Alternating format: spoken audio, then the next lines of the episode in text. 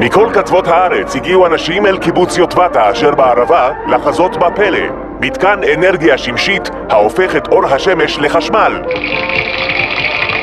התכנסנו כאן בבית העם של קיבוץ יוטבתה על מנת להכריז ולהציג בפניכם את השוקו הסולארי הראשון. טוב, לא חזרנו באמת כל כך הרבה זמן אחורה, סך הכל פלוס מינוס 15 שנה. בפרק הזה של בעקבות השמש נדבר על איך החשמל הירוק נוגע בסוף בכיס של כולנו, נחזור אחורה בזמן וגם נכיר את השכונה שלא משלמים במשכנתה בעזרת השמש. אני מאזי וולף, מתחילים. עכשיו, בדיגיטל של 103 FM. בעקבות השמש, פודקאסט האנרגיה המתחדשת של 103 FM. בשיתוף דורל, אנרגיה תוצרת הטבע. שוב איתנו פה יאקי נוימן, מנכ"ל חברת דורל, שלום יאקי. היי מאיה, מה קורה? מצוין. יאקי, שמענו קודם את הסיפור על uh, יוטבתה, על השוקו הסולארי, אז גם אם נוריד לרגע, גדול. כן, גם אם נוריד לרגע את האפקטים האלה של uh, שנות ה-50 וה-60 של יומני כרמל או יומני גבע, ככה התעשייה התחילה וזה היה ממש לא מזמן פה בישראל. נכון, זה היה ב-2008, כשרשות החשמל יצאה בהסדרה ראשונה עם תעריף אה, שעודד יזמים סולאריים להקים מתקנים סולאריים. זה היה יקר, על כל קילוואט סולארי שייצרו אז בתקופה ההיא. אגב, וגם עד היום, מי שהתקין מערכת אז, אה, שילמנו, שילמו שני שקלים לכל קוטש כזה. וזה, אגב, היום כבר המחירים הם הרבה הרבה יותר נמוכים, וכבר במקומות של, יש מערכות בישראל שהן פחות מ-15 אגורות, יש מערכות בישראל שהן פחות מ-10 אגורות, כמו מכרז דימונה שנסגר לא מזמן. אבל אז, בשנים ההם, היה צורך בתמיכה משמעותית, וזה היה הקיק. זה היה הדרך, ודובר אז על מערכות יחסית קטנות, מערכות של אה, 500 מטר רבוע, גגות מהסוג הזה. זה היה רק על גגות, וזו הייתה ההתחלה. ספר לנו את הסיפור של השוקו הסולארי, זו באמת הייתה הכותרת בעיתון אגב, השוקו הסולארי. נכון, קיבוץ יוטבתה, שהוא קיבוץ שהולך איתנו ממש יד ביד לאורך שנים ביזמות, ו- וממש מצטיין ב- בתעוזה ו- ולעשות דברים ראשון, בטח בתעשייה הקיבוצית וגם באופן כללי. זיהה אז ב- בימים ההם, כמונו, שיש הזדמנות של ממש במתקנים סולאריים, וכך דורל הקימה את השותפות הסולארית הראשונה שלה, אנחנו הרי פועלים בקיבוצים, ומי שעוקב אחרינו יודע שהיום אה, מרבית הקיבוצים בישראל שותפים שלנו באיזשהו סוג של יזמות. יש בישראל 270 קיבוצים, ומתוכם 230 שותפים שלנו. תראי איזה סדר גודל של, אה, של שיתוף פעולה בתנועה הקיבוצית. הקיבוץ הראשון, כבר אז ב-2008, שיצא איתנו לדרך המשותפת, היה קיבוץ יוטבתה, שזיהה את ההזדמנות, ואנחנו זיהינו את הרפת, את גג הרפת, כמקום שבו, זה המקום הנכון ביותר להתקין, והקמנו את המערכת. ביום האחרון של 2008 הרמנו את השלטר, והנה גם ייסדנו את השותפות הסולארית הראשונה שלנו, וגם נולד הביטוי השוקו הסולארי ביחד עם קיבוץ יוטבתה. בואו ננסה להתקדם טיפה קדימה. אז אנחנו מדברים 2007, 2008, היום אנחנו כבר אה, בואכה 2023. כמה השוק התקדם מאז? אז קודם כל, השוק התקדם בגדלי המערכות. זאת אם בתחילת הדרך, בשנים הראשונות, המתקנים היו על גגות קטנים, נגיד גגות של עד דונם, אז לאט לאט, בתחילת העשור הקודם, התחילו להיות גם הסדרות של אה, מערכות קרקעיות על קרקע בהיקפים של 100 דונם ו-150 דונם. ראינו מתקנים מהסוג הזה, ראינו הסדרות למתקנים אה, בדו-שימוש, ראינו הסדרות למתקנים אה, על בריכות דגים, על מאגרי מים. כשאתה אומר הסדרות, למה אתה בעצם אה, מתכוון? אני מדבר על מכרזים ספציפיים ש... שהוציאו רשות החשמל, ו... וגם בצד השני, מהזווית של מוסדות התכנון בישראל, התפתחו כל מיני תוכניות מתאר ארציות ש... שפרצו את הדרך להקים מתקנים על מאגרי מים, על בריכות דגים, על קרקעות וכל מיני דברים מהסוג הזה.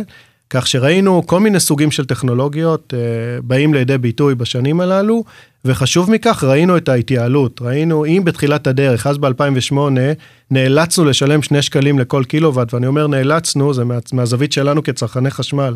הרי כל uh, תשלום ליזמים בסופו של דבר מגולם בתעריף החשמל שלנו. אז אם אז בשנים ההם היינו צריכים לשלם שני שקלים לכל קוטש כזה, היום בתקופה הזאת זה הרבה פחות, פי 20 פחות, פחות או יותר. מה ששם אותנו במקום שזה הרבה יותר כלכלי, שזה אינטרס שלנו, של כל אחד ואחד מאיתנו, שיתחברו יותר מתקני אנרגיה מתחדשת.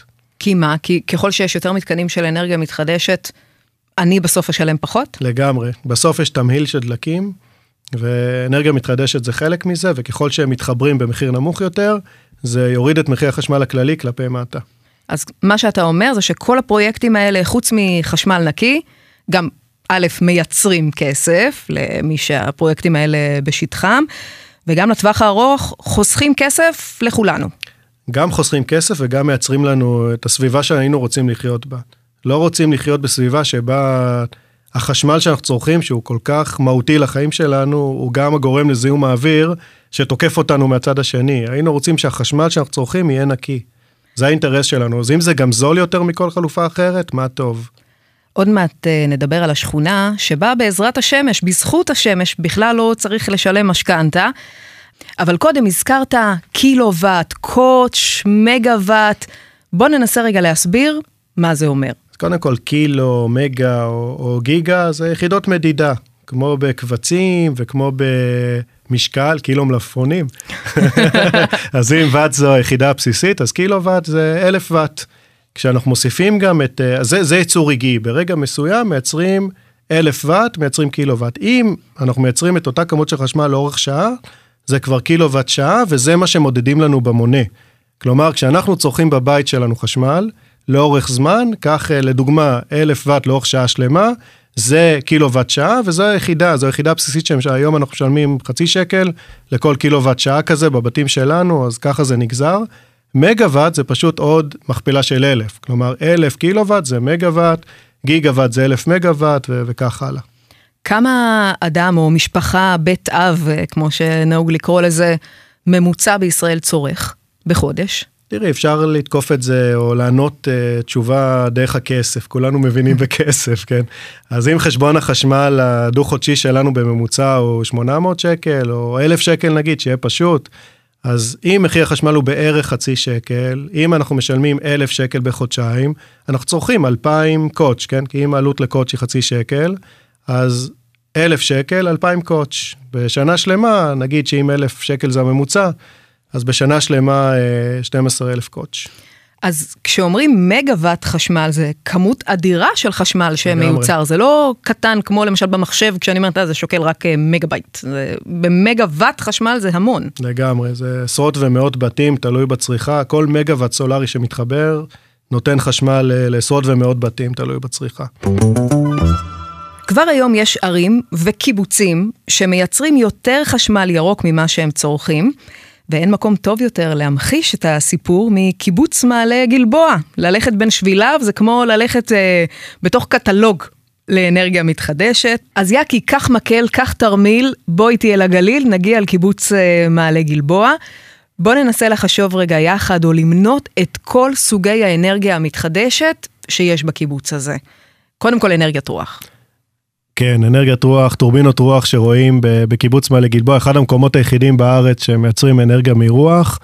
מנצל את uh, תנאי האקלים הייחודיים שיש על פסגת ההר הזה, הר גלבוע, יש שם רוח טובה, יש שם שמש טובה, אז אנרגיית רוח, צ'ק. יש, ואת זה ממש אמרנו, אפשר לראות מהכביש. אנרגיה סולארית? אנרגיה סולארית מכל הסוגים, מכל המינים, אנרגיה על גגות, אנרגיה סולארית על מאגרים, אנרגיה סולארית בשילוב של סולאר וחקלאות, שזה פרויקט שבתחילת שלבי ההקמה שלו, אפשר, אנרגיה סולארית קרקעית, אפשר לראות ממש מכל הסוגים במעלה גלבוע. אז עשינו גם וי על זה, ואיפה שומרים את כל האנרגיה הזאת? אגירת אנרגיה, גם שם שדה או מתקן אגירה ראשון שעובד בקיבוץ כבר למעלה משנתיים, אה, סוללות איכותיות במיוחד של אה, BMW, BMW. ומעבר לכך עוד שני מתקני הגירה נוספים שנכנסים ל, ל, לעבודה בימים אלו במעלה גלבוע, וזה חשוב, כי מכיוון שכמות החשמל הסולארי שמייצרים במעלה גלבוע היא כל כך גדולה, באמצעות אותם מתקני אגירת אנרגיה אפשר לכסות ממש את הצריכה של הקיבוץ. זה קיבוץ שמגיע לעצמאות אנרגטית מלאה, מייצר את כל החשמל שהוא צריך במתקני אנרגיה המתחדשת שלו. ואם דיברנו על הגירה, כל מי שביקר בקיבוץ יודע שיש את המקום המושלם להצטלם בו, שזה מתקן ההגירה השאובה. נכון, אגירה שאובה זה מתקן ש... שהוא נועד בעצם לצרכים משקיים, כי זה מתקן ענק, הוא עצום בגודלו והוא מייצר הרבה מאוד חשמל, הרבה מעבר למה שהקיבוץ הזה צריך. מאגר מים גדול כזה. שני מאגרי מים שנמצאים למרגלות הר גלבוע ו... ובראש ההר.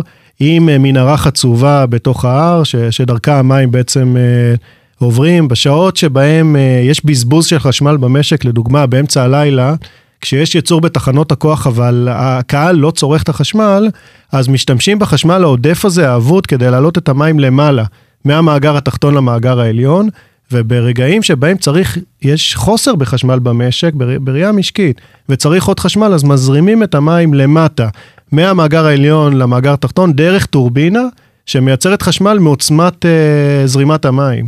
זה הרעיון של המתקן הזה. ובנוסף, יש שם גם מתקן ביוגז.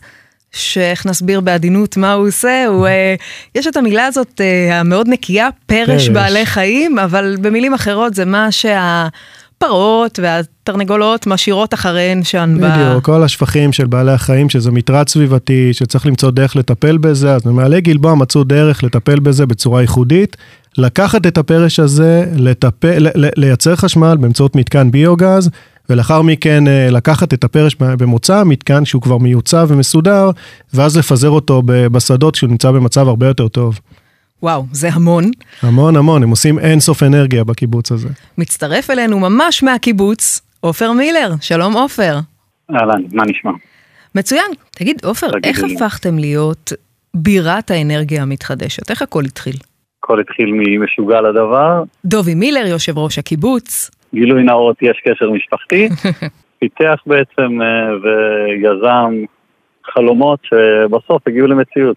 אני בטוחה שזה לא היה פשוט. אה, אם אה, דיברנו על זה קודם, שהיום כולם, זה כבר די מובן מאליו לראות פאנלים סולאריים בכל מקום, ומדברים הרבה על אנרגיות מתחדשות. כשזה התחיל בקיבוץ, זה לא היה מובן מאליו. לא, לא הסולאר ולא הרוח. הרוח התחיל עוד בשנות ה-80, עוד לפני שחשבו בכלל שיש איזה עניין באנרגיות מתחדשות. והסולר uh, התחיל גם בשנות האלפיים, אבל uh, כן, לאט לאט לחשוב איפה אפשר להקים וכמה אפשר ואיך הכי נכון, ולייצר בסוף כמה שיותר אנרגיה מתחדשת. איך הגיבו לזה בקיבוץ בהתחלה? בסדר גמור. לא, בסולר לא היו התנגדויות משמעותיות, דיברו קצת על קרינות וכאלה, כש... הבאנו את הנתונים והגיעו למסקנה שבאמת אין אה, איזה קרינה משמעותית, די עבר אה, חלק. ברוח היה טיפה יותר מורכב, אבל גם זה כבר, אה, הטורבינות החדשות, הן לא עושות, גם לא עושות רעש וגם אין ריצודים, וגם אותם התקבלו בסוף בברכה במידה מסוימת. נכון להגיד שמעלה גלבוע כבר מייצר יותר חשמל ירוק ממה שהוא צורך? אמ, או ממה כן. שהוא צריך? מה שהוא צורך, נגיד ככה. מה שהוא צריך, אה, זה נכון ממה שמעלה גלבוע צריך, אבל uh, בסוף אנחנו מסתכלים גם uh, כמדינה ויש לנו רצון לאנרגיות נקיות והפעלת כמה שפחות תחנות כוח מזהמות. מסתכלים על זה גם בראייה ציבורית. ולא רק מעלה גלבוע. אז נגיד עופר שגם מי שרוצה לדעת עוד וללמוד עוד יכול להגיע למעלה גלבוע, שחוץ מזה שיש שם נוף משגע, יש שם גם מרכז מבקרים על אנרגיות מתחדשות, ואפשר ללמוד עוד. נכון מאוד, כל מי שרוצה מוזמן בשמחה. וכאן מבקרים, גם ללמוד על האנרגיות מתחדשות, גם מה היתרון שלהם, איפה הן צריכות החיזוק. עופר מילר, תודה רבה לך. תודה רבה רבה. יאקי, כמעט בכל קיבוץ בישראל, אם לא בכל קיבוץ בישראל, ניתן למצוא מתקנים סולאריים. לא ניכנס כרגע לסיבות ההיסטוריות למה זה המצב, אבל זה המצב הקיים. אבל מה עם מי שאין לו סטלבט בקיבוץ בחצי מחיר? כל האנשים שגרים ב... בעיר. אז קודם כל זה, זו משימה של העיריות. כן? והחברות הכלכליות בכל עיר, לנצל את, ה, את הפוטנציאל ולהשתמש במבני הציבור, להקים מתקנים סולאריים על הגגות ו, ולתרום את חלקם. זה גם טוב להם מבחינה כלכלית, המועצות יכולות לעשות כסף וגם לתרום לסביבה, ו, ובכלל זה אנחנו כתושבים בערים רוצים לראות שהערים עושות מה שאפשר כדי להתקדם באנרגיה מתחדשת. מעבר לכך, כל אחד מאיתנו שיש לו גג יכול להתקין מערכת סולארית, זה מעניין משתלם. מעניין שהזכרת את זה.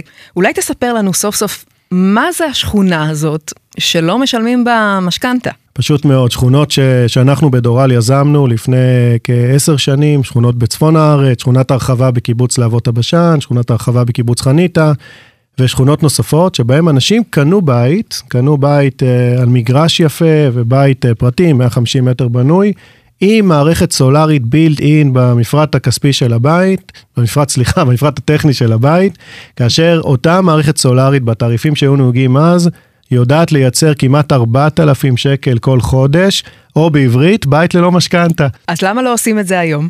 היום התעריפים יותר נמוכים, אי אפשר להגיע להכנסה של 4,000 שקל בחודש, אבל כן אפשר להגיע להכנסה של 1,000 שקל פלוס. במתקנים סולאריים שאפשר להקים uh, על הגגות.